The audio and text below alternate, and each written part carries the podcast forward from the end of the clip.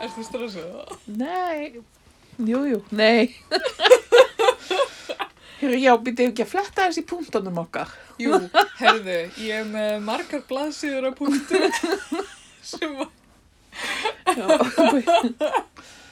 en, já ég sem sagt er Móa. Nei, ég segi þetta með aðeins meiri innlifun. Já, ok, ég er Móa. Nei, ég, ég er alveg búin að týna þessu. Ég er Móa. Já, þetta er gott. Eða Þú eitthvað. legst mig ágætlega. Ok, leik, leik þú mig. Ég er Lóa. Það er ég.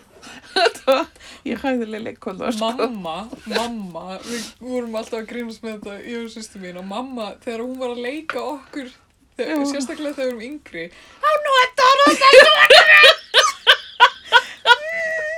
Má ég fá ís? eitthvað svona, og maður eitthvað, oh my god, Þið talið svona eins og lilla tröllskessur í hennar huga. en við erum frú Barnaby. Og þetta er sko aldilis mikill Reykjavíku þáttur. er það? Eða ekki? Second ep- episode af Já. Reykjavíku þætti. Ég sko þóra eiginlega ekki einu svona að kalla þetta rekkjaukku þátt, þetta mm. manstu hvað kom fyrir þegar við gerum síðast rekkjaukku þátt? Oh my god, nei. Í, í alvöru manstu það ekki? Þetta er svona gömul. Ég er, já, meðal annars. Manstu ekki, það fór allir í fokk og við þessum að taka hann aftur. Ó, já, já, já, það var draugur í stúdíónu. Já. Mm. Og við vorum bara eitthvað fórum á bömmir og þetta er bara eitthvað vesti þáttur sem við gerðum. Oh my god, já, ég hlusta hann eftir. Vá, heyrist í eldinum sem ég var að kveika hérna. Já. Húha, húha. Upptökustjórum list ekki á þetta með, meðferð. Hérna. En við erum búin að kveikja á kerti, eða kertum hérna í stúdíóinu. Aðeins þess að, svona, Kjarkósi. já. Og uh, við erum með beilisið á lofti. Já. Og hérna, okkur fannst við voða sniður, við náðum að fela hérna svo ungdómurinn kemist ekki í það Einmitt. á stúdíónu. Hljóðum ekki að fara hvetja undir úlingadrykju. Alls, alls ekki. Drekka unglingar. Já. af- Maður veit aldrei, skulum við segja. Nei, nákvæmlega. Þessi forvarnar hérna, samtök segja við mann. Er þetta ekki bara ágættis líka leksía svona út í lífið? Maður veit aldrei. Já. Þú veist, það er aldrei að vita. Nákvæmlega, það er aldrei að vita. Þetta á við allt. Já. Bæði hvað varðar að vera ekki með fordóma, vera ekki búin að ákveða fyrirfram hvað er, Einmitt. en líka að óvæntir hlutir geta gerst. Já, og líka bara að maður hefur einhvern veginn ekkert endilega stjórn á öllu. Þó Já. maður haldi það. Og hefur kannski ekki alltaf rétt fyrir sér. Nánast aldrei. Alltaf í mínu tilfelli. Nema- Samt finnst mér alltaf að ég hafa rétt fyrir mér. Já, einmitt. Kostur. Mm. Sko það er, það er skárra en ef þér myndi alltaf finnast eins og þú hefur alltaf rámt fyrir það. Já, nákvæmlega. Held ég. Svo við lítum nú björtu hérna. leðarnar. Já. Það bara, já, já, þá hafði ég rámt fyrir mér eins og verðilega. Ég veit það ekki. Já. En já, við erum hérna mætar. Eftir uh, frí, Já, óvænt svona haustannar frí já, sem við tókum okkur já, vegna óviðránlega aðstæðina. já. Sér mann ekkit hverja voru svo sem. Nei, sko ungdómurinn er daldið að kalla svona frí bara eitthvað svona Ah, ég man ekki alveg nákvæmlega hvað þetta er kallað en það er eitthvað svona mental health dagur eða eitthvað Já, já, já. Þú heyrðu- tekur þið bara breyk. Já, dóttir mín var að tala um þetta við mig að sem sagt þetta, já, ungdómurinn er svolítið að tala um þetta að sko að að maður eigi að taka sér veikindadag til þess að huga að andleri hilsu Já. og þú veist mann ekki alveg hvað, af, hva- í hvað samingjur að segja mér frá þessu en kannski að því hún vildi fá frí úr skólanum með eitthvað Eh, Já, já, já. En, en þetta er svolítið ólíkt, ólíkt svona kannski og því, það sem að minn ungdómur fekk að heyra sko. Já. Bara af og amma segði alltaf ef maður var eitthvað svona smá slappur þá segði þau, ertu lat sinn, Já. þú veist. Já. og þú veist, maður á, átti bara að vera þú veist, ég held samt mín kynslu að það sæmilega verið sæmilega mikið latsinn sko, en með að við þú veist, kynsluna þar á undan þá bara að vera geggjað duglegur og alltaf að vinna og Já. eitthvað svona Ég fór, ég var alltaf send í skólan, sko. já, bara gegnum þygt og þutt Já, bara, bara engir sénsar og ég veit að mamma hlustar oft á þáttinn og þetta er ekkert leyndamál en hún er náttúrulega hjúgrunfræðingur og það var ekkert eitthvað hægt að, þú veist, Plata. platana. nei, Það var ekkert hægt að vera eitthvað, ó, ég er svo lasin, já, ok eitthvað. En svo var þetta, gildi þetta líka, þú veist, þegar var eitthvað svona vond veður og búið að vara við því að senda bönni sín út. Þá, þú veist, ég man oft að því að hafa verið komin í skólan og bara eitthvað, nei, nei, nei, það er ekki, þið er ekki að mæta, já, ok, þú veist, það er bara það storm. var bara harkan sex Eitthvað svona, það var bara vest fyrir 1935 já. nei, ég segi nú svona, Sko ég var aðeins í því sko að reyna að plata mömmu mína því að ég var látsinn. þú varst að fela þig heima og eitthvað, já. Já, Ég held þú hefur segja að þú veist skólastjórun Já. var í veikur eða þú veist eitthvað svona algjört humbúk. þú veist, ég veit nú ekki hvort mamma er fallið fyrir því allu sko en, Næ. en svona í mínum huga gerum það. Já. Mikið varstu klár. Hanna plataði hérna. En hérna, en svo sem sagt, já ég hef verið að tala það líka áður. Erum við svolítið að endurtaka okkur í þessu þáttu? Já, ég fann Við ættum kannski að reyna að gera eitt þátt bara aftur. Já, Bara já, heyrðu þetta viðtalsátturinn um okkur sjálfa. við ættum, já, við ættum að, kannski við getum gert svona best of þátt, þar sem að við bara endurtökum alla góðu brandarana sem við höfum Já. sagt áður. Það þurfum að muna þá. Æjá. Eitthvað. Nú man ég ekki neitt eins og Nei. við sem við höfum sagt. En þú hefur sagt þetta með, með sko, Skrópið. skrópið. Held ég. Og þegar ég var tíundabæk þá skrópaði ég alltaf eftir, eftir háti Emmitt. og öllu var sama. Bara öllum. En sko mamma reynda vissi ekki af því, hún var í vinnunni. Mm. Ég ætlaði ekki alltaf að skrópa. Nei. En ég bara festist í bókunum sem ég var að lesa. Já. Og hvernig bækur voru það? Bara skálsög, sko. Mm. En svo var ég líka eitthvað svona pínu rókafull. Ok. Mér fannst kennararnir vera vittlausir. Ég veit ekki hvaðan þetta kemur, sko.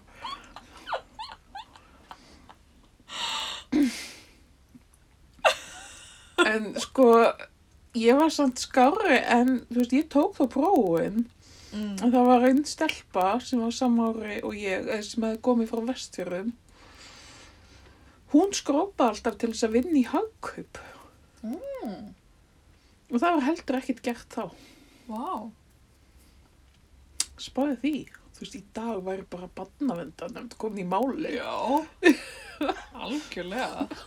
Tala nú ekki um tölvupóstana. Já, nokkulega. Svo 250 tölvupostar. Oh my god. Eftir því sem þú segir mér, þá hljómar þetta eins og mikið vandamál nútímans. þessi tölvupóstar frá skólanum. Oh my god, já. Já, ég var, hvar var ég sem var, fólk var að tala um þetta? Að þú veist, þe- að því það er ekki, þú veist, það er tölpóstar frá skólanum, svo er frá skóluminnstæðanum, svo er frá, þú veist, frístundunum, allir því, Mm en þú veist, í Skotlandi er, voru engi póstar. Nei. Ég man svolítið eftir þessu, þú veist, nú, nú getur verið að ég sé að endur taka mig, ég veit það ekki. En ég man eftir þessu úr minna, sko, sérstaklega á skólanum hann úti í Malawi. Það var svona prívatskóli og oft verið að, þú veist, senda foreldrum einhverjar svona memos um, þú veist, eitthvað foreldrastarf Mhm. og annað. Eitthvað svona kökusölu, Já, safna peningum fyrir eitthvað eða þú veist, bara eitthvað svona byll og hérna, og það var meira þess að fréttabref og eitthvað sem Já. að skóla var með uh, sem hétt Tikambi og eitthvað svona sem maður átti alltaf að láta berast og það voru oft eitthvað svona, já, eitthvað svona já, hérna er þetta blað, látið foreldra ykkar hafa það og eitthvað svona það var mjög hipsum haps hvað þetta var að rata heim til mín ekki að því ég væri eitthvað að reyna að leina einhverju bara út af því ég setti það unni í töskuna og svo bara já, um glemtist það þar Þetta er Þar með. náttúrulega vel þekkt dæmi. já, Ég man ekki eftir að hafa komið heiminn inn að, þú veist, allir þessi bref og nei, ruggl eitthvað. nei mjög óaðreðanlegir postburðarmenn Já, held ég þú veist, sjö ára krakk já, ég veit. Þetta er tóttulega krútlegt að hugsa ímynda sér sjö ára póstburða fólk bara eitthvað. Hér er pósturinn sem þú ættir að fá á síðasta ári. Smá svona miklar banani. Ég man líka svolítið eftir svona einhverjum örlaður einhverjum stundu þar sem að mamma var farin að fara í gegnum töskuna mína. Þú veist, þetta gerðist bara eitthvað svona af og til. Já, þar sem að henni fannst taska mér verið orðin aðeins og þung, skilur, út í, út í brefin voru að fara ón í töskuna. já, Þau voru ekki að koma upp úr, þannig Nei. að þetta sapnaðist fyrir. já. Og þá var ég að- svona pingu lítil eitthvað, þú veist, burðast um með eitthvað ótrúlega þunga tösku. Þannig að mamma tekur sér til og er bara eitthvað að fara í gegnum þetta og bara l- losa það sem má ekki vera þarna. Og þá er hún einmitt að finna eitthvað svona eldgömmur bref bara eitthvað, auður, akkur léstu mikið að hafa þetta? Eitthvað sem er grilla stílað á, þú veist, var með að pappa, eða mamma og pappa. Bara eitthvað óþólandi skilur. Ég- Fárlegt. Ég sympatísera með þessu núna, Já, semi, en þú veist, samt ekki. Þetta Hlýtur er að- svolítið svona mikið svona ábyrð eitthvað neginn. hlýtur að hafa verið betri leið til þess að gera þetta. Já, algjörlega. Og líka, svo er líka oft spáði ég þessu sko í Fraklandi þá, þá var ég alltaf með mjög mikið að dóti í töskunni. Mm, Og það, þú veist, það- þetta er náttúrulega bara satista skólar hérna í, í Fraklandi. aha, Það var bara krakkarnir eiga bara að læra sama hvað. uh, og þú veist, maður er búinn skólan fjögur og fyrir heima og maður á bara alveg að læra heima, þú veist. mhm, En svo hérna á Íslandi er þetta nú aðeins svona humanískara, ok, en samt eru fólk, bönn með þessar stóru töskur já, og dýra töskur sem var bara að segist þessu er, svolítið verið að svona plata fóreldra ok, til þess að kaupa rándýra töskur sem er svo góðar fyrir bakið ah, og lati í dag og svo, þú veist, er eitt nestisboks í töskunni í þrjú ár, já, þú veist. Og þú veist, kannski ein svona lítið lestrabók í mestalagi, mm. þú veist. og sunddótið, Já. stundum. Og það er í annari tösku, skilur Ó, þau, sem náttúrulega kostar eitthvað ennþá meira. Ah, Ok, Svo liður í því að láta fóreldra kaupa ókslega dýrt dót, sem er svo ekki beint nota. vá hvað er að rifjast upp fyrir mér, hvað ég glemdi oft að koma með sunddót þegar var sund í skólanum og hvað ég glemdi sunddótinu mjög oft í skólanum. Já. Þú hefur verið svona, eins og mamma myndi segja, utan við þig. Já, Ég var það nefnilega líka sko. En hvernig á maður mögulega þegar maður er bara krakki og er að uppkvöta allt í heiminum að muna á hvaða dögum maður á að fara í sund? Eða, þú veist, Nákvæmlega, ég veit það ekki. ég veit það ekki heldur.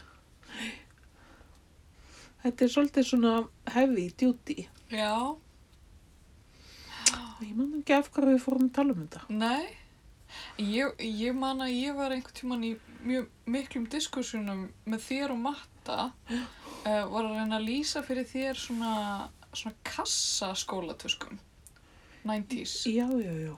sem voru svona Það var ekki skátt, töskurnar. Það er 80s. Skátt? Voru þær svona harðar eins og Já. kassar? Já, ok. Svo Kannski, abyssingular og bláar oft. já, getur verið. Getur verið. Þær voru svona mjög vinsalar á Íslandi.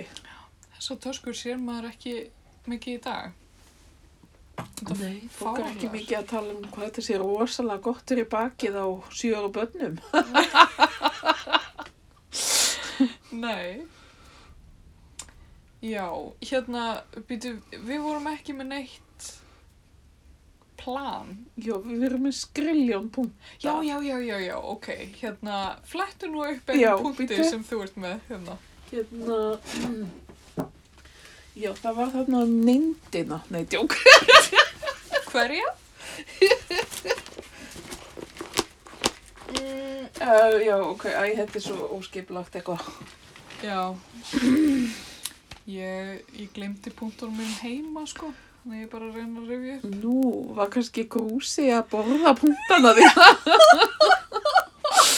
Hann hefur tekið á eitthvað út í garð, ég veit það ekki. já, það er, hérna, ég get aðeins, hérna, að því þetta er svona semi, næstu því ekki, ekki okkur þáttur. Ok, já, þá mann ég ekki hvað við töluðum um í síðasta misefna hann að rekja okkur þetta en mér finnst rosalega merkilegt hvað rekja okkur hátíðin er orðin bara eitthvað svona allt um líkjandi já, að því að sem sagt, í Skotlandi er þetta mjög rík hefð mm -hmm. svo ég talaði örugglega um síðast mhm.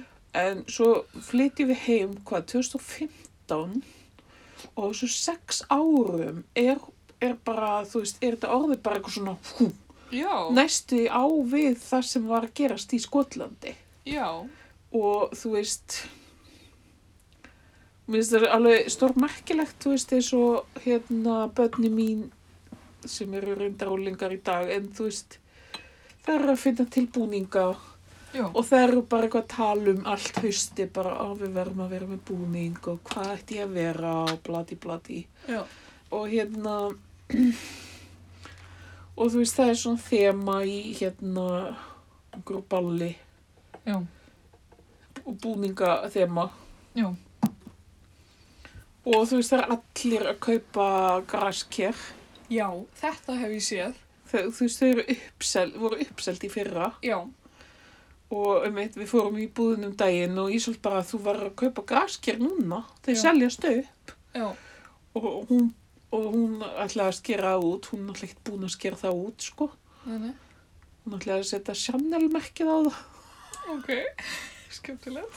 En þú veist, þetta er, mér finnst alveg magna hvað, þú veist, þjóðin, að því það, það er svo lengi þannig að þetta bara, þetta er bandarísk hátíð, við tökum ekki þátt í þessu hér. Já. Það er algjörlega búið að yfirgnaða þessa rættir. Já, Vistu það er ekki svolítið merkilegt? jú, mér finnst það bara merkilegt. þetta, þetta er mjög lifandi líka, þetta er eitthvað sem að nú er ég komin í nýja hverfisgrúpu á Facebook Ertu komin í hverju skrúpuna sem allir er að tala um? sem allir eru að tala um. Já. Hvað hverfisgrúpa er það? Það er, nei, ertu í 105? 108. Já, þú ert í 108. Er það, hvað heitir þú? Ég bara var að joina eitthvað sem heitir Háaleitis hverfi. Já, ok, ok. Að því að það er eitthvað, eitthvað svona grúpa, þannig að bústæðakverfi og þar. Já, Það er allt bara trillt þar. já, út af þessum nýju plönum. þarna. Já, já. Já, það var að fara að byggja eitthvað fullt að einhverjum. maður er næst í búin að skrá sig inn bara til þess að fylgjast með sko. Það eru margir mjög ósáttir við þessi plön. Ég veit ekki neitt, sko. ég veit ekki neitt heldur Já, svo nú það. En þetta hverfi er nú alveg komið á tíma, þú veist, má alveg fara, fara á staða eitthvað svona smá makeover, sko. Eins og grensásvegi og, Þetta meina Skefinni. fallegustu gönda Reykjavíkuborgar nei, já, það má náttúrulega ekki snerta Það má ekki Grensásveg. snerta græsast Þetta, þetta var ekkert að vera þjóðminni að skrá Setja bara svona glerþak yfir. Já, einmitt, bara Ó, en- hefur þetta, þú veist, spáð í hvernig er að keira á grænsasvegi á degi eins og í dag.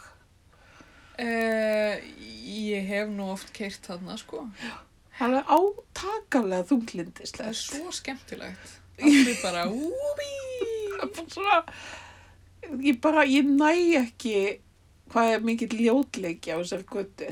en líka ljótleiki sem er svo stöðugur þú veist, að því að grænsasvegurinn er eiginlega bara búin að vera nákvæmlega svona frá því ég man eftir að hafa komið fyrst á grænsasvegurinn Já, það er bara, það er einhverja nokkra búllur þarna sem að virðist ekkert ganga mjög vel hjá þú einmitt. veist Og eins og velta. skrýtnar búðir. skrítnar búðir Þú veist, það var einhver, einhver svona uh, dínu og rúmabúð sem Já. að var einu sinna þarna og ég og Starki fórum eitthvað þangað þegar við vorum að leita okkur að nýri dínu og það var einhver s- þú veist, starfsmæður þarna sem að hafa bara eins og hann vildi ekki selja okkur rúm Já, og það var bara eitthvað hvað erum við að gera hérna þá skilur við svo er hægt að fara í í ljós er það ennþá hægt? Já, ég held það.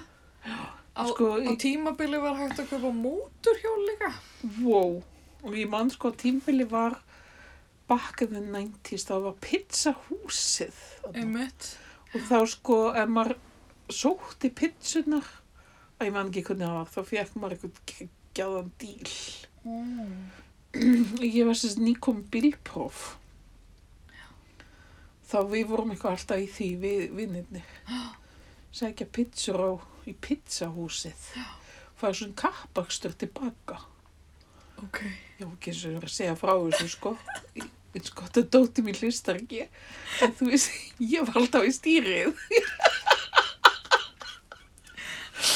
Það er eins og þetta barnavendanefnd getur ekki náð þér bara retroactively, eða skilur við, Já, þú veist, fyrir ekki einmitt. að blanda sér á málinu bara núna. Já, það var kannski, Tekur þig af fóreldriðinu bara sem fullatum mannskja.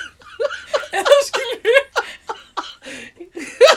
eða svona bjargar þér úr Já. einhverjum... eh, þú að veist, það væri hættulegum svona, þú aðstæðum. veist, ný- sex- 50 til 70% af öllum 90s bönnum væri bara Já, tekin á fóreldra sínum. já.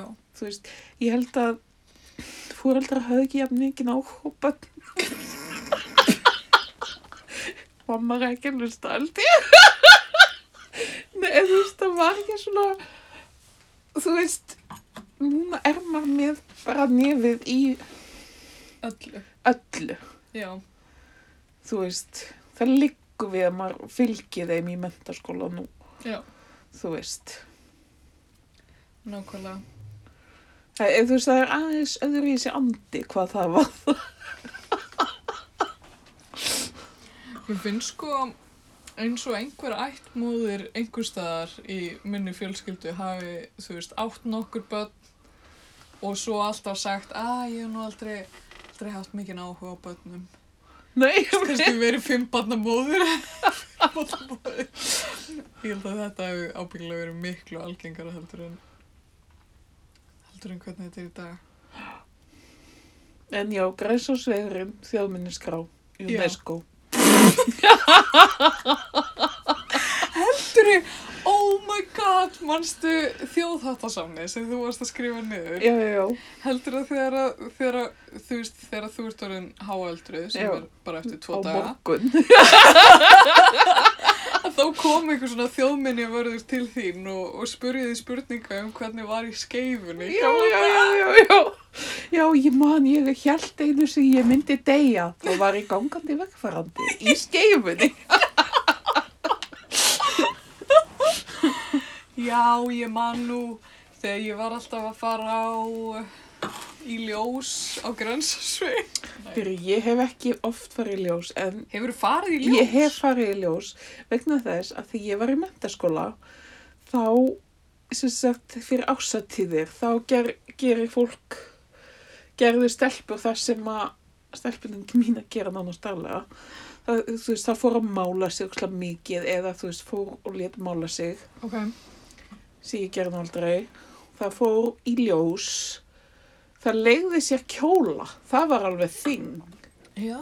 Því ég var í mentaskóla. Ég hef náttúrulega ekki efni á neina af þessu, basically. Nei, nei. Nema kannski að fara í ljós. Ok.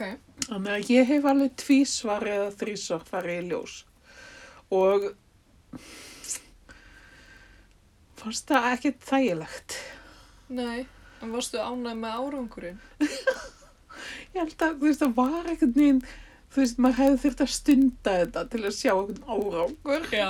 þú veist, þetta var eitthvað svona fólk í afgreslunni, það var oft svona svolítið vel leðurbrúnt einhvern veginn Já.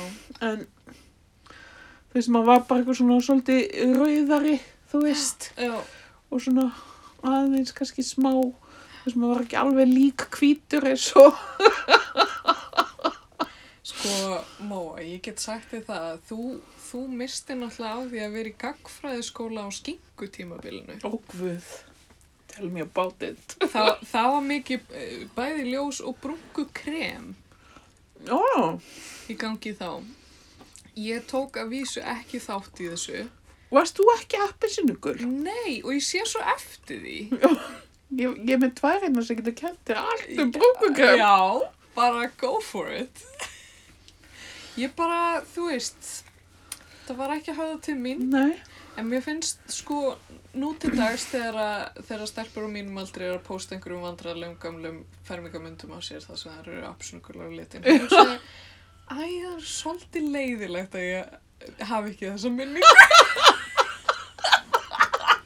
mér finnst það bara svo fyndið. það er ókesslega fyndið. Það er mjög viss klipping líka sem að fylgdi þessu sem var mjög svona slétta hár, kannski svona hliðatoppur. Já, já, já, já. annarkvort alveg ljóst eða lita svart mögulega já, já, já, alltaf mikið í því sko. já, já, já. Það, það hef verið sko, þá hef ég verið á mínum hápunkti indi í tímabilsins mín sko. já, Þá hef ég ekki litið við nei, þessu skingum. ömmit skingur og nakkar Já, já, guð. þetta er alveg þetta er, þetta er ekki til, skingur er ekki til lengur eða það, Jú, það er svolítið verið að nota þetta. er það? Hef ég tekið eftir því, en það er ekki þetta sama sko, sko alveg að í mínum hópi það er svo rosalega mikli fordómar fyrir skingum og svona Já. um, bara kvennfyrirlikning líku við. Uh, Bara, þú veist, skingur voru vittlausar og, jú, jú.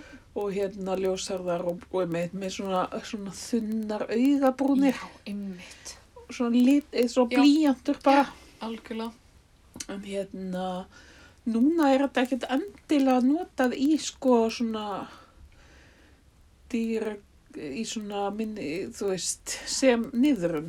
Þegar við erum að Já. segja skinka, það er bara meira svona, svona skvísa meira svona skinku gjalla, þú veist. ah, ok, Eða það er svo tilfinning sem ég fæ, sko. ok En kannski, þú veist, líka því það er einhvern veginn, ungt fólk í dag er mun meðvitaðra um fordóma, heldur já, við fórum held ég. Sko, veistu, ég var að hugsa þetta mitt um daginn að því að, þú veist, ég var að horfa á einn þátt, ég veit, eh, 90s eða 2000 þátt, það sem að það er einhverjir, jú, þetta var örgulega bara Gilmore Girls eða eitthvað. Já, já.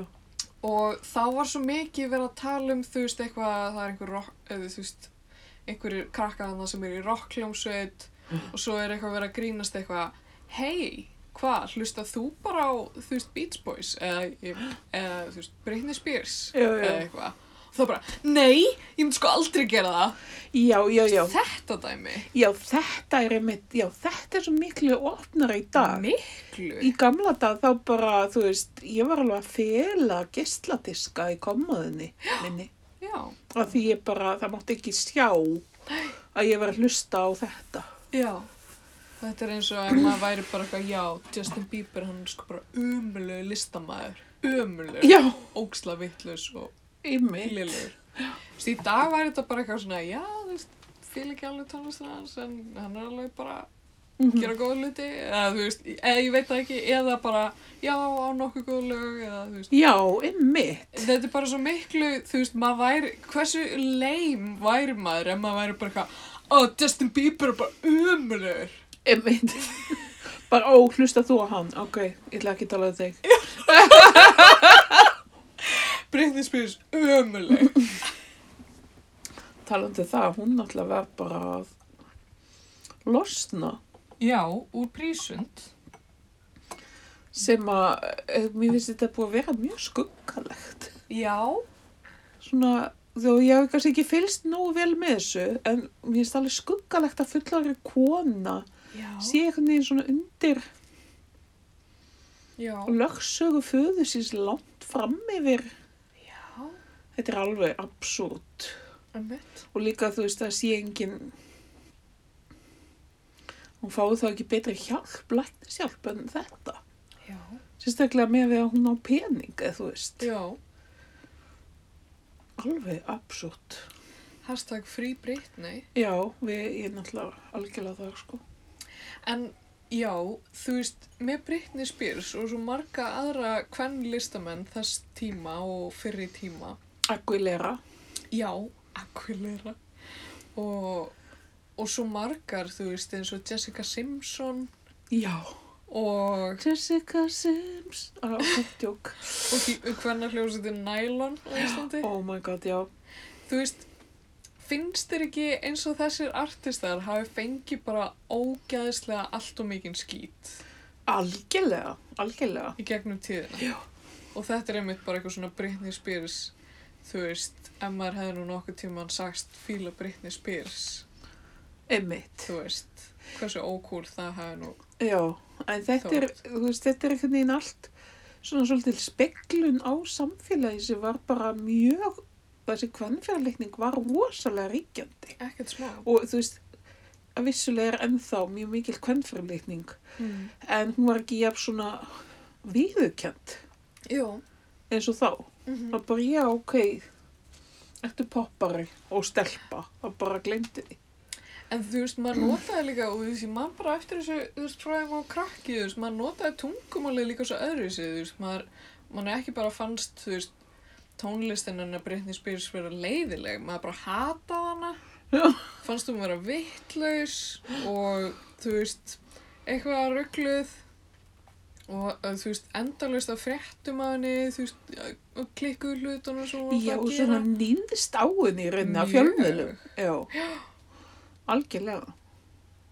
bara svo margar konur sem hafa þú veist, þurft að gangi gegnum þetta vilja, þú veist, vera listamenn, skilju Britney Spears er listamaður Já, já.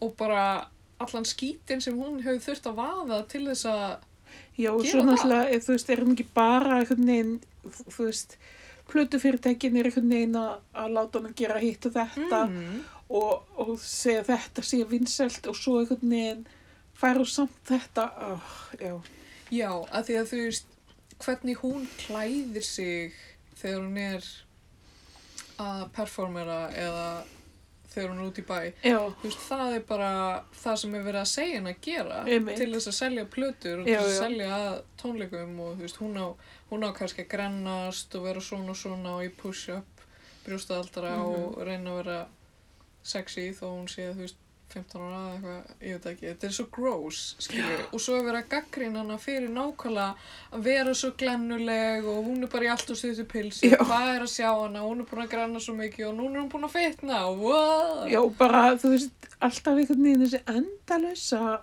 gaggrinni á Já. konur sem bara virðist ekki geta hægt. En, þú veist, Smá. það er svo að sé aldrei rétti hluturinn.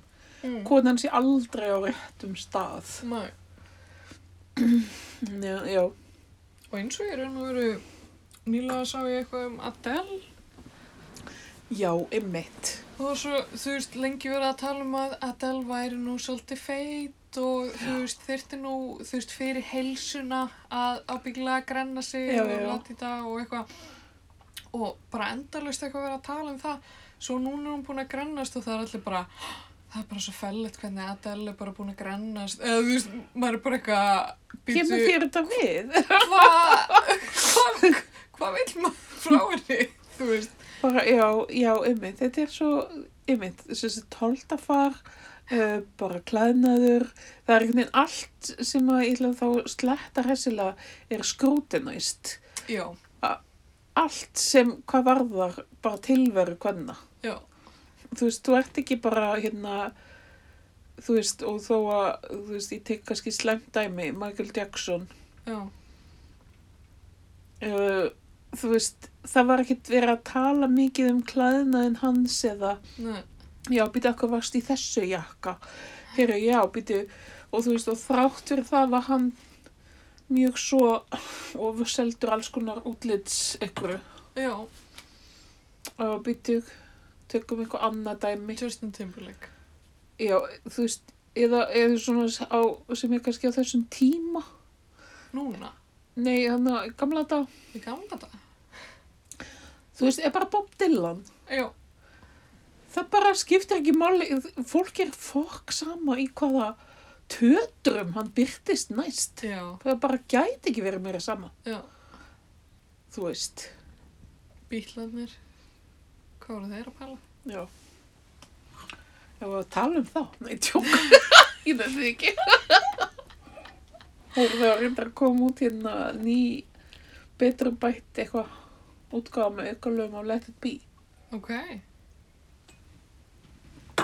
Ertu ekki búin að hlusta þá?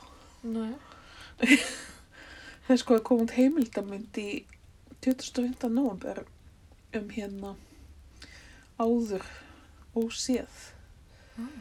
um bílana og gerð Let It Be. ok, nice Very spenno. Þetta veit ég bara því ég umgengst mjög mikið á hverjum mann. já, hvað maður er það sem ástmaður Já, getur verið, hugsalega. Einn af þeim fjölmörgu. jú, jú já en svo við klárum aðeins þetta með þú veist, hvern söngvara sérstaklega er að þú veist hugmyndir sem að við höfum sem samfélag um hvað góð list er er rosalega kallæg Já, og það er þannig í öllum gerum, það er Mhm. þannig í myndlist, tónlist, bara þú veist, you name it já, skáldskap skáldskap, já, algjörlega. og hérna Kallmenn skræpa eitthvað konu lesa þér. Já, og hérna, og þú veist, það, þess vegna á það sem kona skrifar aldrei eftir að falla undir þann flokk einhvern veginn, af því við erum búin að ákveða það sem að kallar gera, það er list, sem konur gera er eitthvað minni list eða eitthvað, ég veit það ekki. Já, Eh, þannig að þú veist þessi, þessi hugmynd um svona að, aðra listform, það er bara kallæg hugmynd. mm Ok, þannig að konur, hvað hafa þá konur til þess að, uh, þú veist, fram að færa, til dæmis, til þess að selja plötur? Þ- Þú veist, þær þurfa bara að vera ungar og sætar og sexy já, og þú veist, svo, svo eru þær ungar og, og hérna alveg döpaðar upp og einhvern veginn bara að reyna að vera eins sætar og þær mögulega geta og þá eru þær gaggrindar einhvern veginn á þeim það eru verið Basis. léttuðar og hérna. villusar og þú veist Og, já, og hafa bara, þú veist, á, áhuga á því að líta vel út og já, þú veist, allt þetta. Og þú og veist, svo var hjá. já, Það er bara áhuga á því. Samkvæmt einhverjum já, ösnum. stöðlum. Já. Og, og hvað þá? Þú veist, mega konur þá gera eitthvað? Eða þú veist, er, er hægt að gera eitthvað rétt? Það, nei, það er nefnilega, það er, þannig að Þetta er einhver svona ormur sem býtur í Já. rassinn á sér. það er bara að geta ekki gert neitt rétt. Nei. Þannig að það er rétt að gera bara allt vittlist. Betur. Skál fyrir því. Skál. Yeah. Ah, Já, allavega. Þetta er svona hot topic. Já, þetta var svona fuck the patriarchy hérna, Kvöldsins. liður, nýr liður í frú Barnaby. Ok, þetta var einn af punktunum sem við vorum með þarna á, Já, á þessum, á þessum þessi blaði. stóri punktur var hérna á símanuðinum, sá ég. Mm. Britney Spears, what happened? Já. Fuck the patriarchy.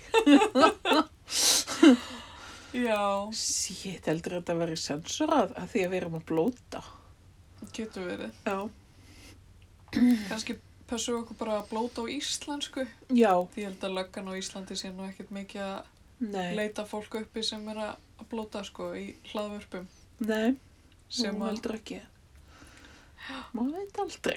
maður veit ekki, maður veit ekki. Nýja mótóð okkar varst ekki. Maður veit aldrei. Og þessu, þess, þessu máltendæki fylgir oft svona líta svona yfir gleru. Já, já. Svona, hmm, Yfir barnabíklir auðvitað. bara, hmm, Maður veit aldrei. maður veit aldrei. Ég er ofta að hugsa sko, ég er ofta að sjá alls konar svona dót í fréttum og kannski af því við erum með þetta podcast eða ég hlaði ofta að þau segja já, hvað myndi hérna Barnaby segja um þetta, þú veist, þessu kostningamáli, það er svona ekta mál bara Já, ekta Barnaby-mál. Bara svona, þú veist, það væri alveg ekta að búa til svona, þú veist, þú senu bara. Já, já. Hótelstjórinn, við vorum búin að ræða það eitthvað. já, Veitir, hvað var annars? Ég var bara eitthvað svona, já, Barnaby hefur verið þarna, já. hefur þurft að koma þarna. Það var eitthvað annað. Ég ætla búin að gleyma því núna. Kötturinn sem kom heim til sín í peysu, Nákvæmlega. hver veit hvað gerðist þar? Ok, ég mista þessari frétt. Oh my god, Móa, hvar hefur verið? Hefur búið í helli? Já, greinilega. Ég er bara... Finna þetta.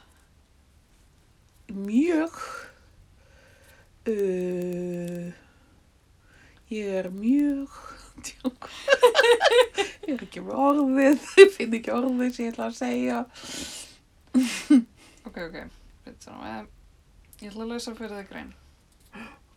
Svo ætla ég að sína að mynda á honum. Af því hann er líka mjög sætur. E, da, da, da. Ok, rúf.is Kötturinn Eldur er áskamall mann og barnvinnur sem býr í Vesturbænum. aha, fyrsta vísbending Að sögn eigandans hefur hann lí, líka sterka tískuvitund og veit alveg hverju hann vill klæðast. Nýverið byrtist hann óvænt í glænýri peysu. Eldur er hluti heimilisfólksins á heimili er hluti heimilisfólksins á heimili Þórunar Antoníu Magnúsdóttur og hún saði, í ný- saði frá nýju peysuna hans í Facebook-hóknum Spottaðu kött í gær. já, Eh, kom hann bara í peysu Já. Hann kom bara heim í peysu, kötturinn. sem passaði á hann Já, ok, sjáðu. oh my god þetta er guðdómlega peysa Myndir ekki fokkin tjúlast ef að Kókó kæmi heim í peysu. algjörlega ég, ég veit ekki hvað ég myndi gera Sjáðu, hérna er hann bara. þetta er greila prjónu peysa en En- fyrir honum svona líka vel Já, en þú veist, heldur að peysan sé prjónu sérstaklega á hann eða þú veist, heldur að neyja aðra fjölskyldu eða...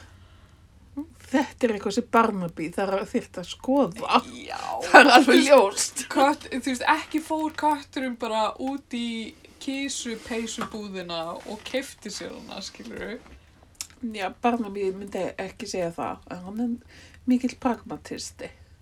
Hann gengur náttúrulega ekki að hann einu vísu, hann bara Nei. náttúrulega okkar. Það er- Við erum, við erum onto something Já. með þetta, með þessa nýju speki okkar.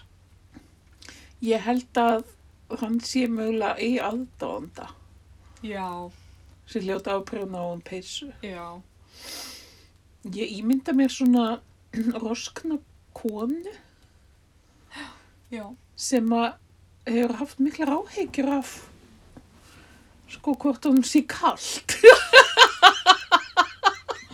Og konan, hva, hvað heiti konan?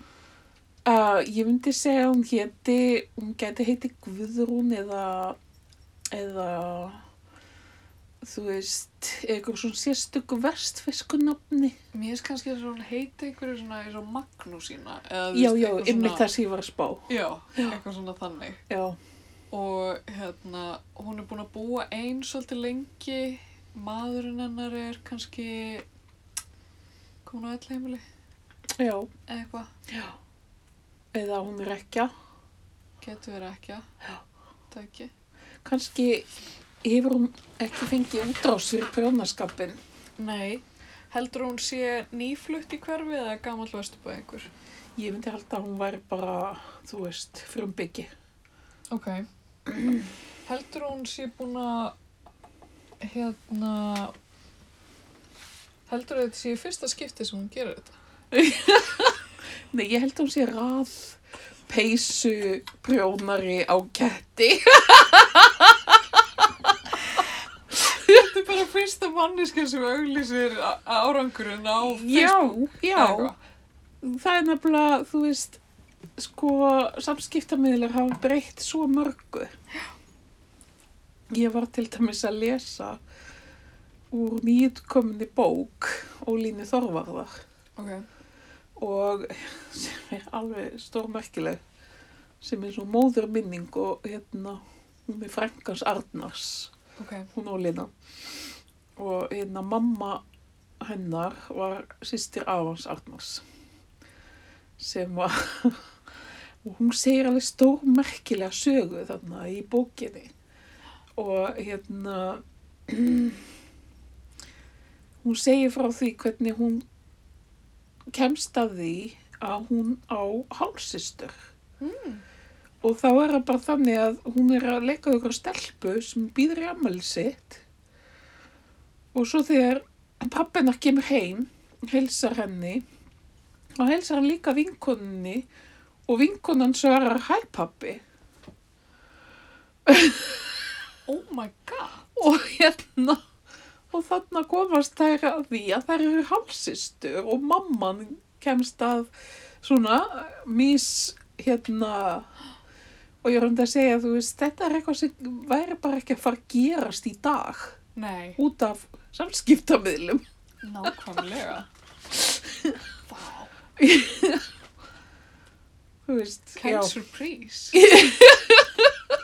þetta er bara svona kelsjöprís já og, og stelpan segir og mér finnst þetta rólinn að skrifa þetta svo hérna hispuslaust og svona að já því þú veist það er til svo mikið af svona sögum frá Íslandi í gamla dag og Já. það er allt eitthvað svona slúður þú veist slúðurlegt eitthvað neginn Mm. með einhvern svona neikvæðum undirtón veist hvað ég á við Já, en hún s- lýsir þessu bara eins og matur og fakt já. og svona hispuslaust og hérna sem ég fyndi vinkonan segir fóreldrarnir sem sagt fara bara inn í eldhúsgrilla og þú Já. veist og hérna og stelpunna standa þannig eftir og, og se- vinkonan segir já hann pappi kemur oft í heimsók til okkar Vá. ég er sko ég er búin að eiginlega jólabókina fyrir mörgum en mér er alls sama ég mæli algjörlega með lestur þessari bóka Vá. En fyndið. Hugsa sér. alveg stórmerkilegt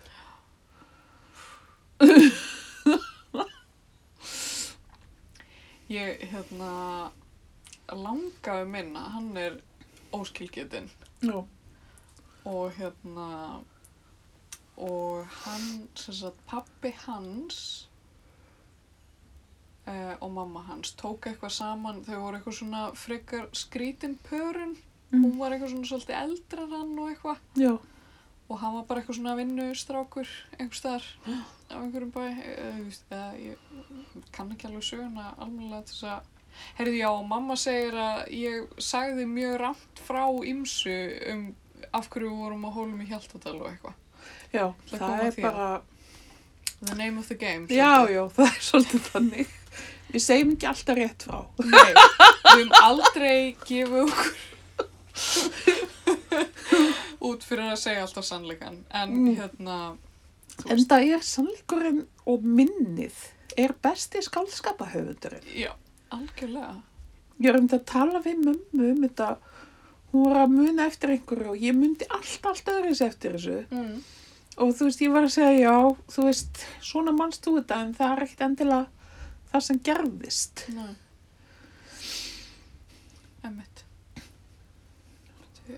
Hvað er þess að, já, mamma vildi koma á framfæri að pappi var aldrei að læra í skólanum og hólum. Nei, það var ekki hana. bara svo það sé á hreinu og þau fóru sko út af því að mamma vildi þú veist, eða, eða þau vildi eitthvað komast út á land til þess að geta spara peninga Já, já. Var hann að... að kenna fiskunum? já, hann var að kenna fiskunum hérna, svo skulið vera góðir Ég nefnilega, ég kom einhvern tíman hann inn í háskólan hólum þar sem var fullt af kerjum. já, Ég var eitthvað, ég man ekki hvort ég var, hvað ég var að þvælast þarna. mm. Og það var bara, já, hérna er svona fiska. ég man ljóslifandi eftir þessum kerjum Já, já, já. en ég held reyndar að það, það ég veit ekki alveg hvort að það hafi verið rannsóknar eitthvað eða hvort að það hafi verið bara svona síni af ýmsum fiskum sem að, þú veist, að því maður gæti alveg komið hann og, s- og fengið að sjá eða þannig, Já, já, já. hvort að þetta hafi bara verið Já. meira svona eins og svona dýralífs Fiskagarður. já því ég veit það ekki já, þetta er Dula fullt mjög- svona líf þarna á Hólum í Hjaldadal. já, Það er svo margt dula fullt við þennan stað. Já, það er það. það er hérna, alltaf þegar ég finn lyktin af hvönn, Já. þá fer ég aftur í æsku. Já, þetta er svo merkilegt hvernig lykt flytur mann í svona Já, bara marga áratugji aftur í tíman. já, Já, ég til dæmis, það er svona mjög sérstök svona kaffilykt, mm. svona kaffi og lilykt Mm. sem flytur mig allalegin til allsýr því ég var fimm ára göm. vá, Og þá, þá fekk ég, ég fekk alltaf kaffi og lit. já, með sko alveg sko humungus magna af sigri og, og, Og mjólk. Já, þú veist þetta var þú veist einn drop af kaffi eða eitthvað. já, já, já, En þá alveg man ég bara eftir eldhúsinu hana sem ég var í, hana við vorum í á fjölskyldu í heimsóknu og eitthvað. já. Alveg merkilegt. Hvað var fleira svona? Já, það var svona lyktir. Það, er- það er einhver lykt sem að ég finn stundum við einhverjar mjög ákveðnar aðstæður, uh, bara í mínu daglega lifi, hvort það er á einhverjum stað. Mér finnst þess að sé kannski, ég vil í world class. Já, að þá notaðu eitthvað hreinsefni eða eitthvað er það sem að lykta svolítið eins og svona moskító eitur já, sem að við notum alltaf í Afríku já, sem einmitt. heit Peaceful Sleep og er ekki ógeðslega eitra Já. Ó, þú manst eftir þessu. Já, og ég veit ekki hvort það hefur verið eitthvað svona í eitrinu til þess að gera betri lykt Já. og það sé súlykt sem ég er að finna aftur, þú veist, eins og eins og þú veist hvort það hafi verið eitthvað svona lemongrass lykt af eitrinu eða eitthvað þannig, Já. eða eitthvað svona, að ég veit það ekki Já, ég man sko, þegar ég var í mentaskóla þá var keksverksmiðans frón. mm. Var hann að Já, bara nýr bæ já, nýlendugutu og þeir voru alltaf að gera vanilu keks á miðgutum. Það bara lagðist svona vanilulykt. Ég dyrka þessa lykt. eða verandi unglingur rétt hjá skeifunni Oh þar sem millan, Já. það var oft svona eitthvað svona kanilsnúðalykt Mm. sem lágu í hverfinu hins vegar í lauganesi Já. ef það er rétt vindátt þá er svona eins og kattamatslykt úr einhverju svona bræðslu á akranæsi. Ó, Það er ógeðslega von. það er hrikalegt. Það er hrikalegt. Já. Ógeðslegt, sko. Býtti talandi um lyktir þá já, svo klein, sko kleinulikt, blökkunarlikt Já, og pönnuköku. Það, er- þá er ég bara heima hjá ömmu. já, Veitu, og, já. já. Þetta er alveg stórmerkilegt líka. Hvað minni getur tekið mann í svona ferðalag? Já. Þú veist, bara svona... Já, það er þessum sem er ágætt þegar maður kemst aldrei neitt. Tjók. Ekki Ó. það allir og amma sem er í útlöndum núna og ég hata þau öll. Já, Ef þú ert í útlöndum, að ég heiti jú. Tjók. við, við höfum þig. Æjá, svo var, ég var í heimsókn hjá afa á hann. Já, Hann er nú svo hrættu við COVID, hann var að segja mér að það væri bara einhver ný bylgi á leiðinni. já, það er svolítið verið að tala um það. Verðið að tala um það? Arnar segi þessa skemmtilegu setningu sem hann hefur sagt nokkar sinnum. Já. Það verður búið að skella öll í lás í desember. hann, mér finnst þess að ég er búin að segja hann að svona þryggja mánuða fresti undan fyrir tvö ára eða eitthvað. Já. Fer ekki að vera komið gott. Ég er að segja það. Ha. En afi var sko uh, aldrei eins og allt bara frekar hræs sko. Já, Ringdi mig, ég var í rektinni neyri í World Class og hann hérna svona fyrir nokkrum árum fluttist, fluttist búferlum yfir í Laugardalinn og hérna hann ég er var- hann þar. og þá hérna þá var hann með einhvern risapott af kjötsúpu sem hann er að reyna svona að pranga pranga út Já, ég skil. þannig að ég var sterk í fórum og hérna borðið með honum og bara voða kósi en hérna það var svo ógæðslega fundið hann hérna þegar við komum inn þá þá var hann að tala um litla frænda minn já hann frændiðin hann ætlaði nú að koma úst, hérna ég ætlaði þess að kenna honum á píanóið eða þú veist af því afi er mjög góður hérna píanóleikari Nú, bara svona sjálf self-taught ok. eða þannig. og rosalega já, bara mjög flottur Já. píanuleikari og hérna búin að vera eitthvað svona aðstóða frænda minn sem er eitthvað svona fyrst gaman að spila á píano Já.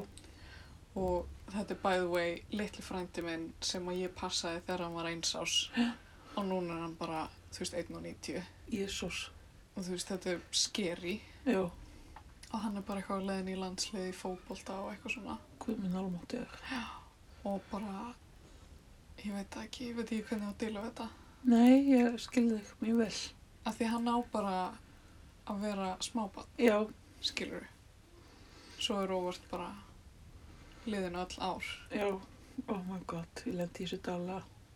en allavega afi var eitthvað að segja já, þetta er nú svo skrítið með að frenda þinn hann er nú ekkert búinn að ringi mig hann, er, hann ætlaði nú bara talaði við hann í dag og þá ætlaði hann að koma um sexleitið, klukkan var hann í sex og ég ætlaði að sækja hann og hann býr í garðabænum og þú veist, það var bara svona svolítið að segja mig frá þessu og búin að hérna svona svolítið þusa yfir þessu Já. uh, í ófáðum orðum og svo er þetta með eldra fólk og tækni Já, það er stundu svolítið svona erfitt samband einmitt, já, já. og, Kannast þið það? Tjók. og þá hérna þá ringir hérna frændi minn sem er pappi pappans Já. og hérna og afi, þe- þeir afi tala saman heyrðu þá var litli frændi minn búinn að ringja í afa sko átta sinnum Já. nema afi með stóru puttana sína var einhvern veginn ná, bú, búin að ná að blokka númerið Æ, hans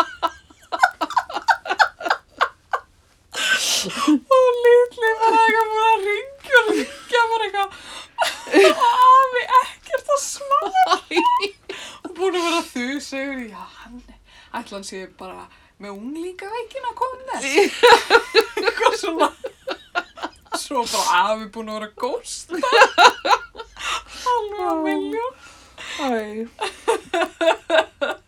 Þetta er klassik. Mjög gott Þetta er að breyta svolítið í indverska, indverska, ég meina finnska guði hérna. Já, eigum við að opna kannski eina glöfu, finska Já. glöfu. Új, ég held það. Þú svarar það. Er þetta ekki svolítið svona sanna? Jú,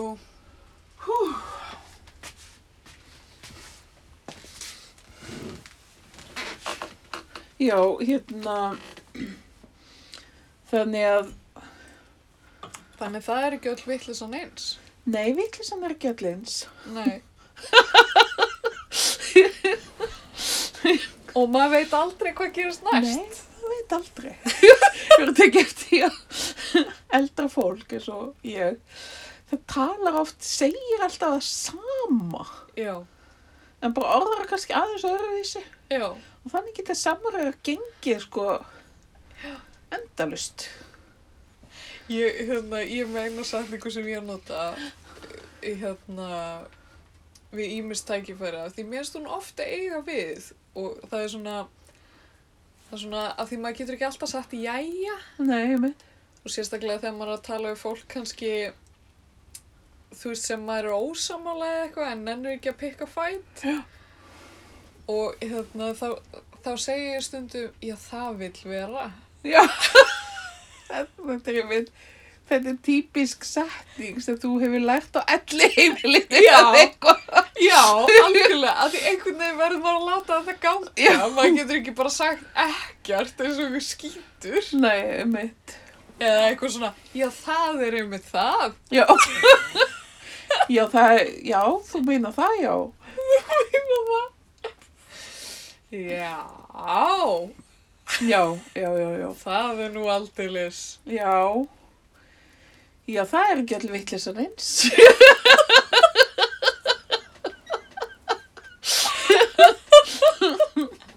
Við erum að sprengja alla kvóta í kontenti hérna. Já. 100%. Jésús minn, það er bara, Persónulega finnst mér alltaf bestu þættirnir okkar vera þegar við erum ekki búin að ákvaða neitt nei, ok, fyrirfram. já. Af Því það er eitthvað svona, eitthvað svona X-faktor í þeim sem Já. er bara, hvað gerist næst? Já, hvað segir næst? Er Hvað það, segir auðurlóa? Jésús minn. er það, er það viðeigandi, er það óviðeigandi? Já. Við bara byggjumst afsökunar ef við farið yfir strikið. Er það langt frá sannleikanum eða mjög langt frá honum? er það bull? Getur verið, þú veist. Hver veit? Eh, Já, ég segi það með þér. Ég segi það með þér. Það er líka önnur svona lína bara. Já, þú og ég báða. Það er svo merkilegt sko hvað að því að tungumál er náttúrulega tæki Já, og til þess að tjá sig en það er líka svo mikið af svo fullkomlega merkingalösu dóti sem maður segir eða þú veist kannski svona 90% eða ok, kannski ekki 90 en svona Já. 80% af því sem maður segir er fullkomlega merkingalöst já, þú veist það er ekki bara ég verð að borða eða þú veist, já. ég veit það ekki Ég segi það stundum. Nei, þú veist það er ekki bara Ég rétt verð að borða. réttu mér saltið eitthvað svona sem að skiptir eitthvað máli Svona eins og tilgangu lífsins eða eitthvað. skiptir það eitthvað máli Nei. nei, ég veit það ekki Nei, einmitt. Já, algjörlega. En Við erum satt hef, hefnar að vera ekki ameríkanar. já, nú Af því já, ameríkanar... við erum alltaf bara mjög hefnar yfir því að vera ekki Amerikan Já, sko í fyrsta lagi. ég, bara ok, ég þakka yfir fyrir það höfuð. á hverju einasta mótni þá bara byrð ég til mín s- ekki guðs og segi Já. takk Úhú. þú þarna vera í nindinni Eðlu kongur. fyrir að ég sé ekki bandarísk Já. Þú veist, hvað myndi ég gera þá? Ég veit það ekki. Það bara stríðir gegn öllu hjá já, mér. Já, ég veit það. Já, þeir, þeir líka... Já, ástæðan fyrir ég fó- fór að tala um þetta er af því þeir smáltokka svo mikið. Já, heyrðu, sem um talandi það, já, þeir gera það mjög mikið, en skotar, þeir, eru- þeir eru brjálæðisla hæfileikaríkir í smóltóki ok, sem hefur samt sko alveg smá merkingu sko ok, en svona ég hef örglas talað um þetta á þau þeir svona sko þú veist þeir ná að smóltóka ok, hvað heitir þetta á íslensku?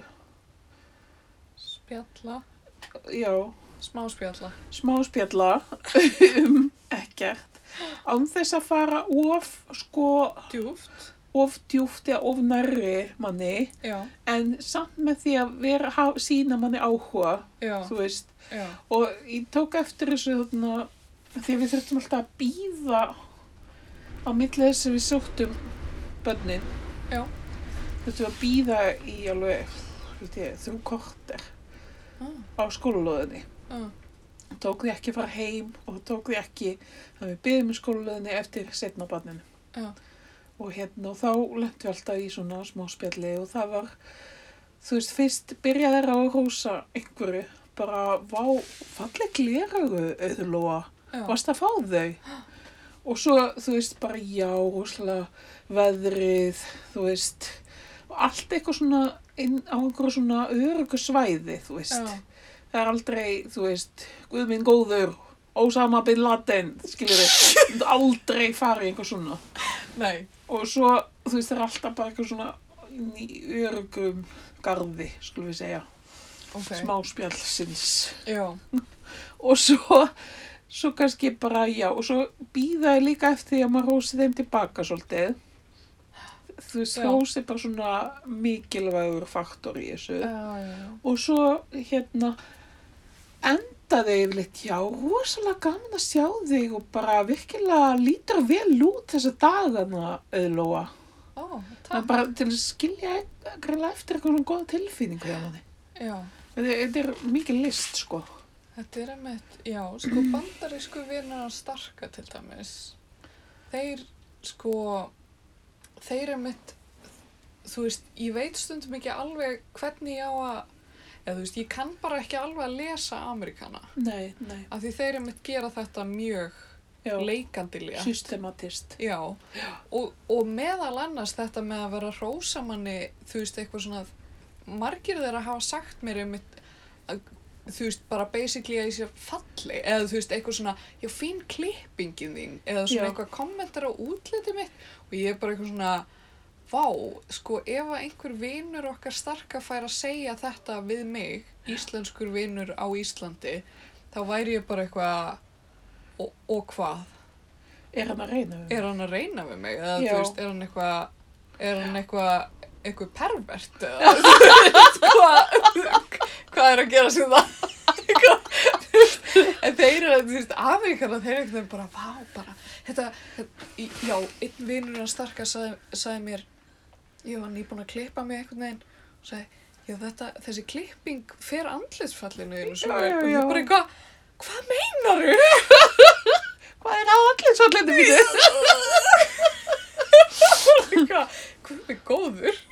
Já, en þú veist, mamma tala um þetta sko þegar við fluttum heim og sko þá er svona mikið list í Fraklandi svona viðreynslu list, þú veist. Já.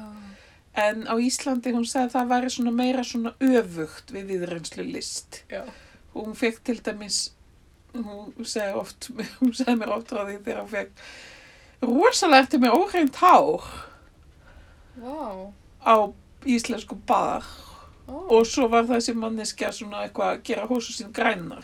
já, og mamma bara einhvern veginn náði því ekki að það væri, þetta væri svona hluti af hæ, viðreynslunni en þú veist en hún var náttúrulega að koma úr samfélagi þar sem þetta er svona akkurat öfugt sko. já.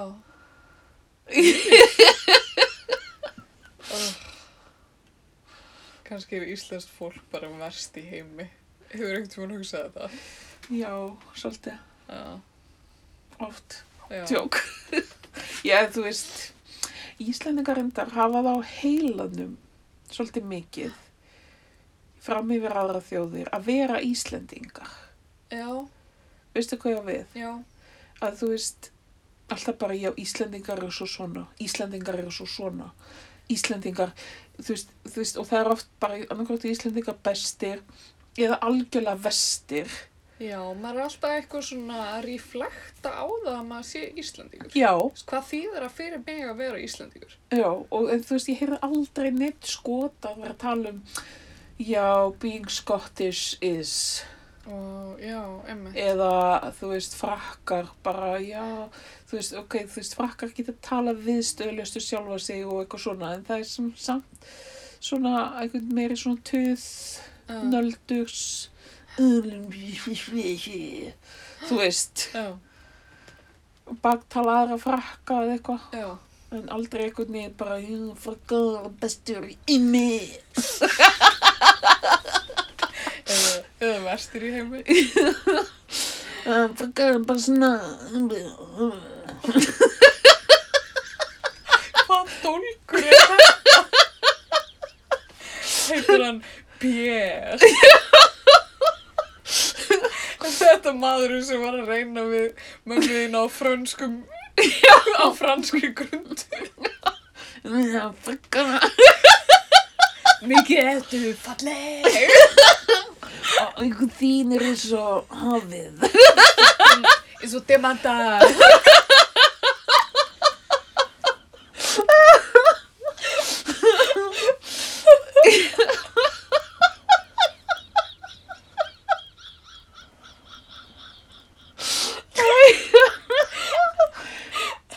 Nei, þú veist, að ég veit ekki, það er bara ekki þessi endalösa pressa við það að vera, þú veist, bara ok, við erum ömuleg í öllu, við erum samt hamingisöm, mest í öllu, við erum samt, veist hvað við?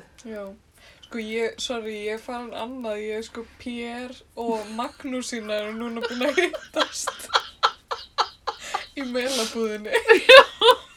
Já, maður kannt að brjóna. Eitthvað svona. Þau fara á kaffi vest, finna ástina Oh my god, það væri fallið saga og fá sér kött saman. sem Mögulega. var Magnúsína brjónar endalust á svona röndóttar peysur. Ó já, og svo litla albúi. En sko málið með Magnúsinu er að hún er ekki, ég held að sé rétt hjá þér. Maðurinn hennar var með kattaofnæmi Ah, og þá var hún aldrei svona comfortable að fá sér katt. Nú er P.R. komin til hennar í lífið og, og hann er bara Lífið er núna! lífið er göndur. Ah, Vá, hvað líka ástasa. Þetta er Kókó hérna? Ég leifti henni ekkert út, sko. Mér finnst ég stundum heyri í bjöllu en ég hef ekkert séð hana. eins og hún hafi farið bara um til rúm sko. Já. Anna?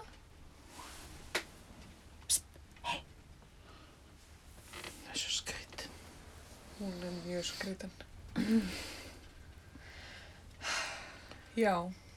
Já, þetta var góð saga. Með Magnús sínu og Pér. Já. Er hann, er hann, eru þau á svipuðum aldri eða er hann svolítið yngri? Já, hann er svona svolítið yngri. Hann er á svona svolítið úti í frönsku samfélagi og, Svona 55, hún er svona... og hérna, já. 70. Eða Það eitthvað. er samt mjög óalgengt af því franski kallmenn er svo miklir. Ekki hann Pér okkar, Nei, en Pér er, hann er sérstakur. hann er utangars. Já, Hann heitlaðist bara af, hann, hann kom til Íslands eh, í einhverju svona gætaða ferð já, með Halla Jóns. emitt, eða eitthvað. Týndist á, há, viltist. týndist á hálendinu og fann sjálfan sig. og varð ástfókin af landinu. Já.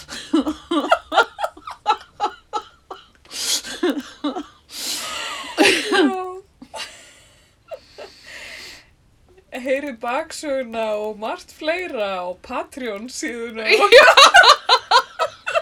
Já, þar, þar er bara heil þáttur til einhver Magnúsinu og Pér.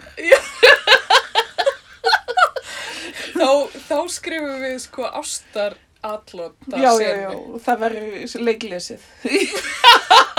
Ó, Ah.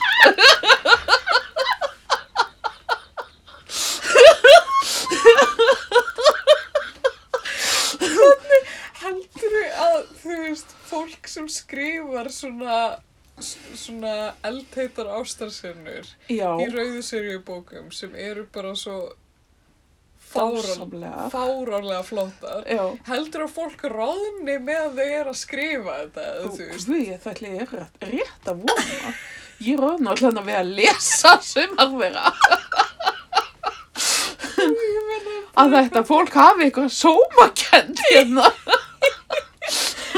svo er þetta kannski bara einhverja fína konur í vesturbænum eða þú veist Já, ég held að, þú veist, eitthvað af þeim sé, já, þú veist, ég veit ekki hvort það eru margir, kannski einhverju pípari þarna út í bæ já, sem hefur góð, góða rauka tekjur af þessu, sko.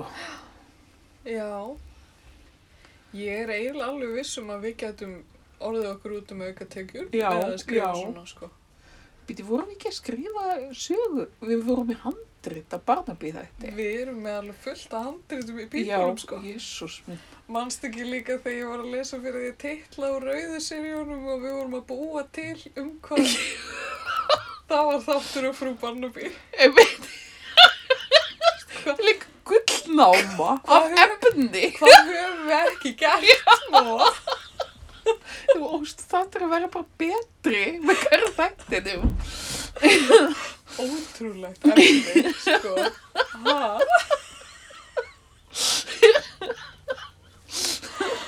Ó. Oh. En ég held að þú veist, það er alveg markaður fyrir svona eldri borgara ástasögur. Já. skilur við þú veist það er ekkert nóg talað um kynlíf eldri borgara Einmitt, ég var að mynda að horfa á einhver svona eldri borgar ástasögu bíómynd. Einhver svona, ó, stinglum. Jú, 45 years.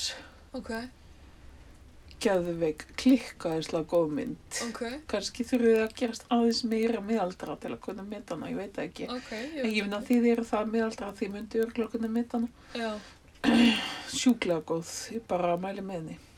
ok, Ég ætla ekki að segja neitt af því að það bara gefur of mikið. En bara, já, þessi mynd snerti mig djúpt. já ok, Maður þarf ekki að vera eldri borgari til að hófa hann. er það það sem þú myndir skrifa aftan á vídeospóluna Já, já, já. fimm stjörnur, máa Barnaby Já, það þarf ekki að vera gamall til að njóta einmitt. þó þetta sé um gamalt fólk Já. En það er einmitt svo fyndið að, þú veist, gamalt fólk einhvern veginn, það á líka alls konar líf. já, og þú veist það er bara að þrauka menningin er ekkert mikið að gera ráð fyrir því nei, þú veist, en því, en þetta er fólki sem á hellinga peningum já ætti það ekki að vera aðeins að já, reyna, svolítið að miða við það eða, já eða ekki Jú, já, haldið það. En kannski er þetta bara eitthvað svona, s- eh, nú kemur góðslegt að untapped market. Já. Þú veist, að því, að því ég held að, þú veist, á einhverjum tímapunkti föttuðu eh, markaðsfræðingar að konur eru til. já, Það er hægt að selja konum hluti. Já. Eitthvað svona einmitt. og þú veist, hægt að búa til kvikmyndir sem að eru ætlaðar konum já, já. og eitthvað svona. Ég, en þið, þú veist, það er eins og þeir sé ekki búin að fatta að konur þú veist, að klámyndamarkaðurinn hann er ekki búin að fatta að konur er Nei. markaður út af fyrir Mhm. sig Mm -hmm. eða þú veist, hann, hann miðar rosalega mikið við kallmenn Er það ekki? annars? Jú. Uh, ég veit það ekki. Síðast já. ég vissi alltaf. Já, nákvæmlega. Emitt og hérna, þú veist, ætli, ætli við erum ekki, þú veist, svo er líka bara svo mikið af gamlu fólki. Já. Skilur, Og hlutfærslega. er að fjölga. Já. Þannig að Þú þú veist, kannski er þetta bara kannski, kannski eftir, þú veist, 20 ár þá verða allar auglýsingar bara um eitthvað svona alls konar sem að á ekkit við unga Já, fólki. Það einmitt. er bara alltaf verið að reyna að selja gömlu fólki. Emi, já. Alltaf bara eitthvað. Ramax, hjólastólar, eða, þú veist, eða svona ellinöðrur. Já. Eða, Skemmtilega tæki. já. Fara svo hægt eitthvað. Já, akkur faraðu ekki hraðar? Já. þú veist, maður er eitthvað svona, ok, þú veist, gamall fólk vil væntanlega fá faraskjóta til þess að þau getur farið aðeins hraðar. Já. Þú veist, heldur að þau geta á sínum eigin tveimur, Emi. að þau geta það. Og þú veist, þá er svo fáralegt að litla tækið farið bara eitthvað svona lúsist bara svona áfram. Á, þú veist, eins kilometri hraða. Já. eða Eitthvað. Oh, einu sinni þegar ég voru að vinna á hrafnustuð þá hérna, kom ég að skjólstæðingi mínum þar sem að hann var orðin batterislaus í sko brekku á ellinöðrunni sinni Ó, og hann var bara fastur æ. og ég þurfti að hóa í svolítið af fólki og við þurftum að íta honum- íta honum í hlæðsli alveg glata gamlega að ég farið í smá spássi Já, ok. Já. já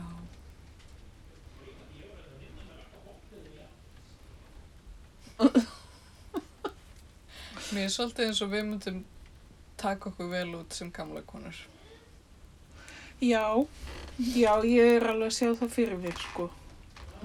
Ég langar til dæmis, ég fara að kýtla að fara að búa til kleinur eins og amma gerði. Já, Ég- ég til í það. Já. Og En það er svona, kannski eitthvað svona jólaaktivitet frú Barnaby eða? já, það er spurning. Fjáröflun, kannski. Já, emmi. Þið skráðu okkur, eh, skráið ykkur á Patreon síðan að það getið verið í áskrift. Á kleinu. og, já. En hérna, það er spurning hvort að við förum að veltast yfir í stórumálið. Já, heyrðu.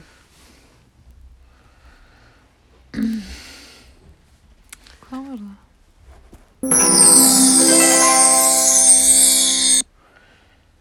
Þá er það díinu hotnið. Díunu hotnið. Arnar sagðist sakna svo mikið hljóðeffektana. Já, þetta Þannig var að- tilenga honum. Við erum, við erum að endurhugsa. Já, Kanski. já, þið kannski bara sendið ef þetta trublar ykkar yrna bólgur. Eða hvað sem þið þannig. Sett á stað eitthvað, eitthvað, einhver óþægindi, Já, persónulega lífuna. bara látið vita. Já, Við erum alltaf tilbúnar til þess að veita góða þjónustu. já. Og bara gerum okkar. Já, Við erum samfélagstegnar. Raun og veru. góðir, góðir samfélagsstofnar. Góðir samverjar. Já, einmitt. En díunni hotnið, Já. þú varst með eitthvað efni. Já. ég var að reyna að fara að segja þér þetta síðast. En Já. hérna, þetta er alveg, þetta er eitthvað, eitthvað sem við erum ekki talað um. Vissuru að Megan og Harry eru með öðruvísi giftingarhinga heldur en allir aðrir í fjölskyldunni. Nei, Þeirra giftingarhingar eru úr einhverju sem heitir Platinum eitthvað. já, byttu. En hvað eru hinnir um fjölskyldunni? Það eru Er sem sagt- platinum ekki fínna en gull? Sko, allir aðrir hafa verið með, hérna, allir aðrir í konusfjölskyldunni hafa verið með giftingarhingi úr velsku gulli. Ok, En, það Har- hljóma fínt. já, en Harry allavega er með platinum ring. Já. En, sjokker, sko, ég fór að lesa um þetta út af þessu Kitty Spencer giftingu, Já, já, já. þarna, það sem að Earl Spencer komst ekki út eða hann þóttist vera með axla Já, já, meðsl eða eitthvað uh, en já og hún, Kitty Spencer hún var með Spencer kórónuna þegar hún gifti sig oh my god, díunni koronu. já og hérna en sem sagt, sjokkarinn kemur hérna Og taktu nú eftir, já, Filip var aldrei með giftingarring haldu kjafti. og, og William er ekki með hring. Ah! Finnst þér þetta ekki sjokkrandi? Þetta er, ég er bara í áfalli. Til hvers er það svona að giftast? Bara, what's up? En konungsarfin sjálfur. Já. Vilhjálmur. En Ef þú Charles, ert að hlusta, já, Vilhjálmur, bara, hvað er í gangi? bara af hverju? Og þú verður að koma með raukstuðsvör. En kannski, þú veist, kannski segir hann ekkert tíma, þú veist, ég veit það ekki. Mér finnst bara, ég las um þetta og William sé ekki með hring og þá var það eitthvað svona, já, reyndar var Philip aldrei með hring líka. Já. Og bara eitthvað, og það er ekki ástæða. Og bara fekk sér ekki eins og hring. Bara, Vegna þess að ég lendi því um daginn að ég bólnaði upp á höndinni já, og ég tók af mér hringin já, sem ég hef ekki gert í Já. síðan 2008. aha, Eitthvað, það eru nokkur ár, ég man ekki hvað mörg. Já. Því ég er örmulega í stafræði. það er, En, og sama dag og ég tek af mér hringið og hitti ég hana hringu, eða sem sagt Já. yngu, sem bjóti hringin fyrir Já. okkur. Og ég hitt hana og ég bara svona, það láfi ég feld af mér hendina og ég var bara, ég er sko ekki með hringin, eins og hún var ekki að fara að spyrja mig. Og ég bara, en ekki af áhyggjum, það er ekki út af einhverju hjónabands Nei, örðugleikum. jú, þú veist, heldur að því ég bólnaði upp þarna Já, og ég er sko ekki eins og búin að setja hann á mig aftur en hérna og það er ekki af einhverjum svona ósýðlegum ástæðum eins og hjá Sið- Vilhjálmi grilla heyrðu, hérna, hérna segir internetið, þetta er bara svona non-svar. He's not one for jewelry, he's never worn any. oh my god, sko Arnar sagði nákvæmlega það sama Starki líka. þegar við giftum okkur hann var ring, Já. þú veist, þetta er engin afsökun Starki saði þetta við eitthvað svona, já, ég er nú aldrei verið með eitthvað svona skarkjum. Maður eitthvað svona, þú veist, basically ekki ég heldur. já, Svo, svo verður maður bara attached, einmitt þú veist, eitthvað. Ég veit það ekki. ég sko- er sko ennþá með far eins og þú sérð Já. Ég er með brúnkufar með að stað, uh, sérðu það smá? já, já, ég sé það mjög vel Af því ég er svo brún frá því í sumar, sko, Já, já, það er svo ég- gott við þig I fyrir norður. know. Já, og bara, ó, Já, hvað ég var, ég var næstu búin að gleyma því í svona eitt sólarring. Takk fyrir að minna mig á það. Bara hvað á ég að gera við allt þetta góða veður. Ó, það er svo heitt. Ég er alveg Ok, að það deyja. takk, takk.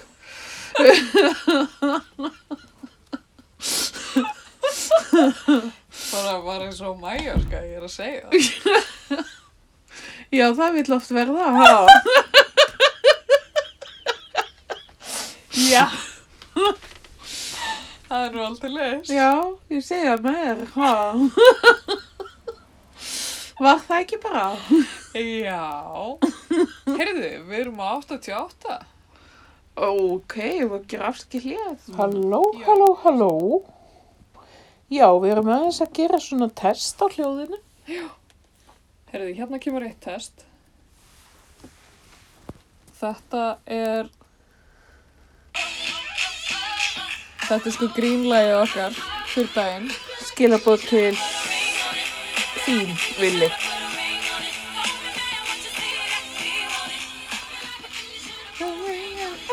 Ah. Já, Já, ég held að hljóðið sé komið í lag, sko. já, um Við vorum sem sagt, tókum upp smá drauga þátt sem að fjallar um konferensperur, Og Monty hvernig... Don. Monty Don kemur við sögu. Ég leiðir eftir miskilning sem er að mér finnst ekki skemmtilegi þættirnir af Gardner's World sem eru ekki með Monty. Af því eins og allir vita þá eru við báðar skotnar í Monty Don. Já, mjög Monty mikið. er aðal höngin. Já, Hann er ástæðan fyrir því að við horfum á. en þetta yngra lið, not so much. Bara það hefur engan sjarma. Nei. Sorry. Nei. Þú veist, ok, ég, ég, ætla ekki, ég er ekki að baktala ykkur. Þið er alveg ágætt. Þið, þú Já. veist, þið kunni alveg að rekta ykkar dót en, Já. en það vantar svona það er svona úsar, hann úsar af sjarma. Já. Það, er bara svona, þú veist, hann er bara svo, svona garðirkju svona, sem, sem er, að, þú veist, svona, svona, Þetta garðirkju sexuality. Já. þetta er bara eins og kemur eins og vökvinnarkönnu, þú Það er bara- veist, bara, what? Oh my god, ég og Starki lásum uh, hérna í sumar grein um uh, viðtal við Monty þess að við verðum að spurja hann út í fötin hans. Já, hann er alltaf í söm fötunum. En hann er alltaf í svo cozy fötum. Já, Og hérna, hann var bara með einhverja nokkra rules of thumb. Hann er alltaf í háum buksum af því að hann finnst lágar buksur ömulegar. Hata gallabuksur. Hann vil helst vera með axlabönd sem við elskum, já, ljóslega. Og það eru bara einhver svona þrjú, fjör efni sem hann fílar og þú veist, svo er einhver nokkur snið sem hann elskar og þá kaupir hann bara eitthvað svona... tutug þannig Já. skiptur og, en hann minnir mig svolítið, hann klæði sér svolítið eins og svona suðufransku bóndi, það var að Já. segjast þess og, Já, kannski er innspóið það. já. Hann er alltaf í ullasokkum, held ég. Já, er það? Mjög mikið, Ok, mikið að vinna með það. maður ætti kannski að senda honum ullasokka í jólagjöf. Þú við. Getur fengið áslög bara til kjóna. Áslag, viðskiptavinur. Ó, Herru, já, en nú fer að vera kom gott og við, svo við tölum nú aðeins um dagskrá vetrarins að það er aldrei að vita nema við hérna vera með eh, fleiri gesti í vetur. Já, og eins og við erum alltaf að lofa þá, þá eru þeir hver öðrum, Frábærari. já, Já, það er samt ekkert eitthvað, engin samanburður þar á milli. svo neitt sem. er ekkert keppnið að neitt svo leiðis, en þau nei. bara, þau eru öll Allt dásamleg. bara sérvalið. Mm Samt mjög handhafskent. Já. Já, einmitt og svo ætlum við náttúrulega höldum við okkar við díunuhotnið Já, sem ungur alltaf heitasta úr heimi bresku konúsfjölskeldunar og býtu, heyrðu sögur úr sundi, það er nú svolítið dottið upp Já. fyrir hjá okkur. já, já, já, Ég meina eldheita sögur sundi. ok Uh, ég var í laugardagsleginni og gott ég er líka með aðra shit, hvað gættu með Ok, ég, ég sko var í lögðarsleginni í síðustu viku, ég og Starki, já, og við vorum í saltpottinum. já, Það er oft svona margt um hann er mannin. bestur Já, mjög góðu pottur. En það var sem sagt kona þar, mjög svona, langar maður að segja skinkuleg? já, Nei, ég veit ekki. Mér langar ekki að nota þetta orð. En hún svona mjög velvaksinn, þú veist, kannski, pæja, já, bara algjör skvísa, samt svona eldri pæja. ok Og greinilega þú veist búin að vinna mikið í því að fá svona jafnan lit á hárið á sér einhvern veginn svona flott með strípum eitthvað. Búin Ok. að pæla mikið í hlutunum. já, Uh, og mér finnst reyndar alltaf svolítið svona admirable þegar ég sé konur sem að ná einhvern veginn að vera svolítið svona sætar í sundi. já, já, En samt finnst mér líka svona eitthvað, ah, hvernig nennir fólk eitthvað Einmitt, ég veit. því. Ok, allavega, hún er þarna í saltpottinum líka og svo kemur einhver maður þarna sem er líka svona aðeins eldri, þú veist, við erum ekkert að tala um eitthvað gömul, Nei, skilur nei. við. En, hérna, en hann er líka bara svona daldi svona hnakkarlegur, eitthvað. svona töff, töffari ekkert voðalega töff Nei, fannst ok. mér en þú veist, honum fannst hann Já, vera já, já. mjög töff Já. og svo eru þau að tala saman og hún kemur bara valla stöku orðin og hann er bara að tala um þetta og hitt eitthvað svona nakkadót sem hann, ég veit ekkert um og hún segir á einum tíumpunkti við hann sko sendinguna var pappiðin líka alltaf í svona góðu formi eins og þú Eða eitthvað svo leiðis og hérna og ég og Starki vorum svona að reyna að ráða í samskipti þeirra já, en hérna við vorum eiginlega búin að komast að því að þú veist þessi kona væri örgulega versta deiti bara mögulegu oh my god, já þetta var eitthvað svo glatað og hann var eitthvað neður svo sjálfumglaður og bara að tala um sjálfum sig og, og svo var hún eitthvað svona að þú veist, einhvern veginn að spila sama leik og, og svona spila með hans eða þú veist, tala um það sem hann vildi tala um já, greinilega. já, já. og, og ég var bara eitthvað eða þú veist, við vorum bara eitthvað húf, vonandi hittur hún hann aldrei aftur já. Herðu, svo var ógeðslega fyndið, við fórum núlega í lögatarsleginu áðan og hérna heldur ekki að við, eh, Starki segir eitthvað um mig eitthvað svona, já, ætli, ætli þau ætla að hittast aftur þannig að vinnur okkar frá því síðast. Herðu, kemur hún ekki bara aftur í pottin, bara um leið og hann segir þetta? já. En þá, ég held að hún vinni eitthvað svona í heilsugeiranum eða eitthvað og þetta hafi kannski bara verið einhver svona kollegi eða eitthvað Já, sé já, einhver já, svona enga þjálfarar eða eitthvað, Já, ég veit já, það ekki. ok. En þetta var eh, svona, í smá stund þá virtist þetta eins og mjög áhugavert exchange, það var mjög erfitt að ráða. Já, skemmtileg saga. Ég veit ekki, kannski er ég að lýsa henni fyrir eitthvað illa. En, Nei, þetta var mjög gott, þetta var mjög Ok, gott, ok. þetta var mjög gott. en hvað þú með? Ok, hérna, þessi sem saga af móður minni. Gott, eins og alla góða sögur. Og hérna, við fyrir saman í, hérna, sundleikvimi vikulega Já, eh, og, og tvisar viku og hérna, vikulega tvisvar í viku. já, eða hvað sem maður segir, við fyrir reglulega saman í sundleikvimi. Já, já, fyrir út í klefan og hérna og mamma þekkir fullt af fólki Já. í sérstaklega í kópói og það kemur eitthvað kona og við erum hann í úti í sundklefanum og það eru bara þrjásturtur og hún er eitthvað akkurat á millokkar í þessi kona og það er svo fyndi að vera að tala saman í styrtu hefur Já, ekki jú. fundist það stundum jú, Við- og mamma bara já sæl og ha ha ha hvað segir þú gott eitthvað svona og já, það er bara eitthvað að spjalla og hér og þannig er hún dótti mín og þá sný, sný, eh, snýr konan sér að mér þú veist að brjóstunum að þú veist sér hári já sæl Þú veist, þetta er alltaf mjög surrealist Já. örgulega fyrir útlendinga líka já, en nema hvað þessi kona hérna nú er ég að treysta á að mamma sé ekkert að lusta á okkur en go Þessi for it. kona gerir bara mistök numur 1, 2 og 3 samskipti við móðu mína. Ok, Hún segir, já, ert þú, mamma er eitthvað að tala um hvað hún sé að gera þessi kona og svo segir konan, já, ert þú ekki að kenna? Já, já, hvað ertu mikið eftir? Tán, tán, tán. Það verður svona pínu þögn og ég svona fæ svona hjartslátt.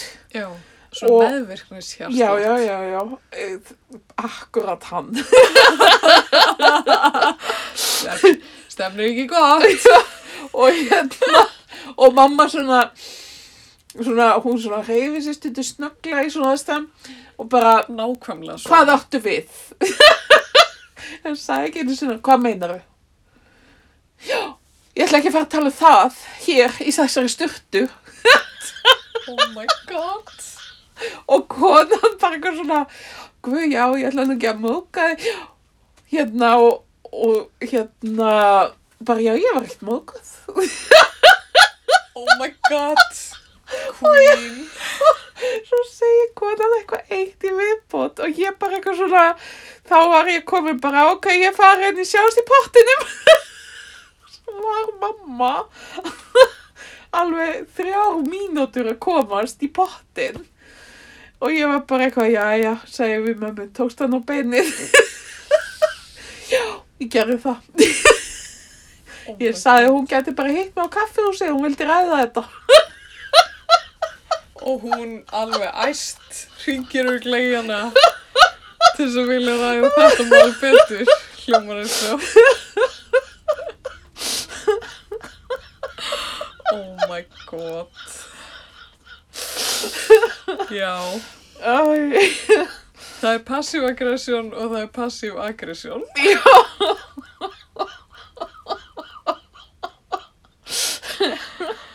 já uh, en ég held að við þurfum að ljúka þessu Ah. já Og þú verður að segja meiri svona trúnaðarsamtöl. Já.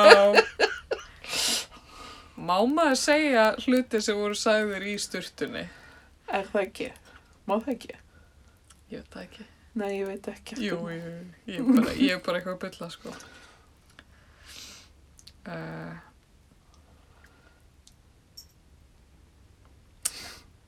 uppbyttu. Já, upptökustjórin er Rónóð Reynóður, hún vil fara komst út.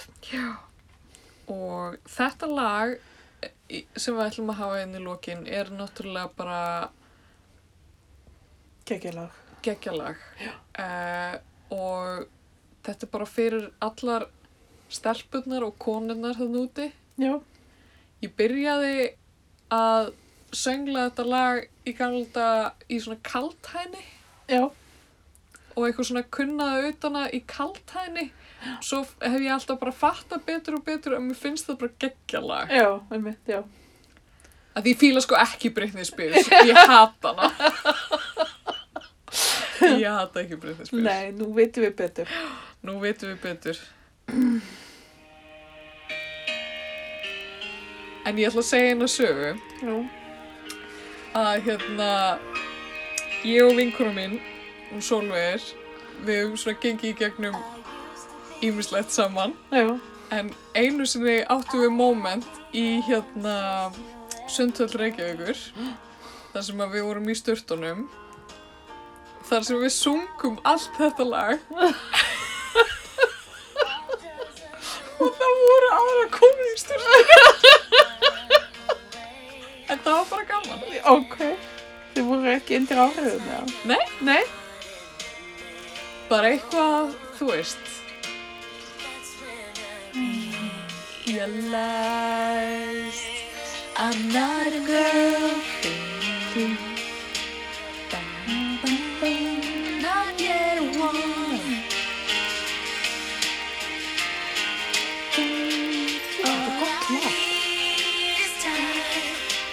Ó, svo gott lag Vá, ég fæ gæsum. Wow.